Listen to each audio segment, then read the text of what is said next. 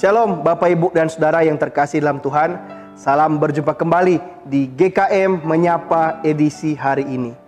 Bapak Ibu dan Saudara saya rindu untuk menyapa kita dengan mengutip sebuah bagian firman Tuhan Yang terambil dari dalam Lukas pasal yang pertama ayat yang ke-20 Sesungguhnya engkau akan menjadi bisu dan tidak dapat berkata-kata sampai kepada hari di mana semuanya ini terjadi karena engkau tidak percaya akan perkataanku, ia akan nyata kebenarannya pada waktunya. Bapak Ibu dan Saudara yang terkasih dalam Tuhan, ketika kita merenungkan peristiwa Natal Yesus Kristus, sebagian kita mungkin sering melewatkan satu kisah penting lainnya, yaitu kelahiran Yohanes Pembaptis yang akan membuka jalan bagi pelayanan Yesus Kristus. Saudara, cerita Kelahiran Yohanes Pembaptis ini pun dimulai dari kisah antara kedua orang tuanya yang bernama Zakaria dan Elizabeth yang juga berhubungan dengan Maria, ibu jasmania Kristus. Nah, saudara yang terkasih dalam Tuhan, diceritakan pada bagian awalnya bahwa kedua pasangan ini tidak memiliki anak dan mereka telah lanjut usia.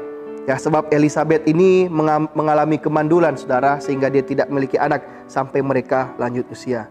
Namun tampaknya Lukas 1 ayat 13 mengindikasikan bahwa mereka masih terus berdoa dengan giat agar supaya Tuhan menganugerahkan mereka seorang anak.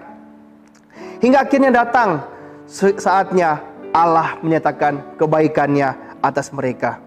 Pada saat Zakaria bertugas sebagai imam yang masuk ke dalam bait suci, ia berjumpa dengan seorang malaikat yang diutus Allah untuk menyampaikan sebuah kabar baik bahwa Elizabeth akan mengandung seorang anak laki-laki.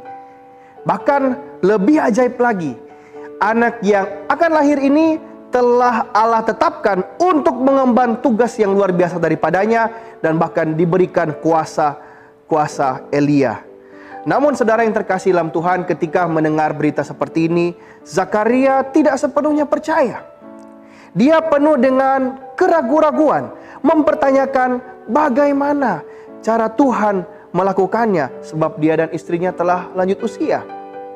Oleh sebab itu saudara, malaikat yang bernama Gabriel ini menyatakan bahwa Zakaria akan menjadi bisu sampai kelahiran anak tersebut.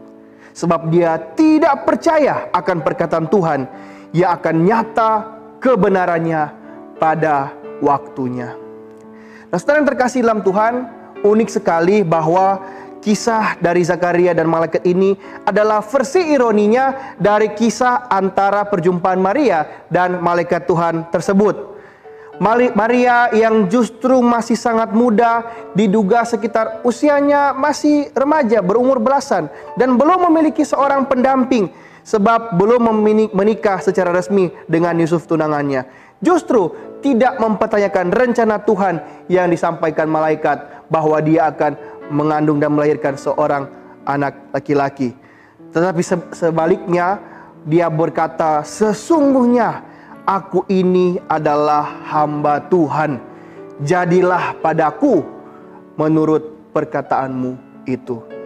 Nah, saudara yang terkasih dalam Tuhan, bagian firman Tuhan ini mengundang setiap kita untuk merefleksikan akan seberapa berimankah hidup kita kepadanya. Sebagai Bapa yang baik, ia senantiasa memegang hidup kita dan mempersiapkan rencana-rencana yang baik, bahkan ajaib bagi kita untuk menyaksikan kemuliaannya. Tetapi sering kali kita sebagai manusia berdosa, seiring dengan berjalannya waktu, kita lebih banyak mengandalkan diri dan kekuatan pengalaman kita sehingga pada akhirnya ketika kita melihat situasi sekitar kita, keadaan hidup kita penuh dengan pergumulan, penuh dengan tantangan, penuh dengan keterpurukan, kita merasa sudah tidak ada harapan lagi dan kita menjadi gentar, menjadi putus asa, menjadi kecewa. Saudara, justru kita pada saat-saat itulah diajak untuk kembali beriman kepadanya, berjalan bukan dengan melihat tetapi dengan percaya. 2 Korintus 5 ayat yang 7. Biarlah saudara yang terkasih dalam Tuhan, di momen-momen merayakan hari Natal ini, kita merefleksikan kembali hidup kita. Apakah kita sudah senantiasa dan konsisten hidup dengan beriman kepadanya, bukan dengan mengandalkan hikmat kekuatan diri kita semata.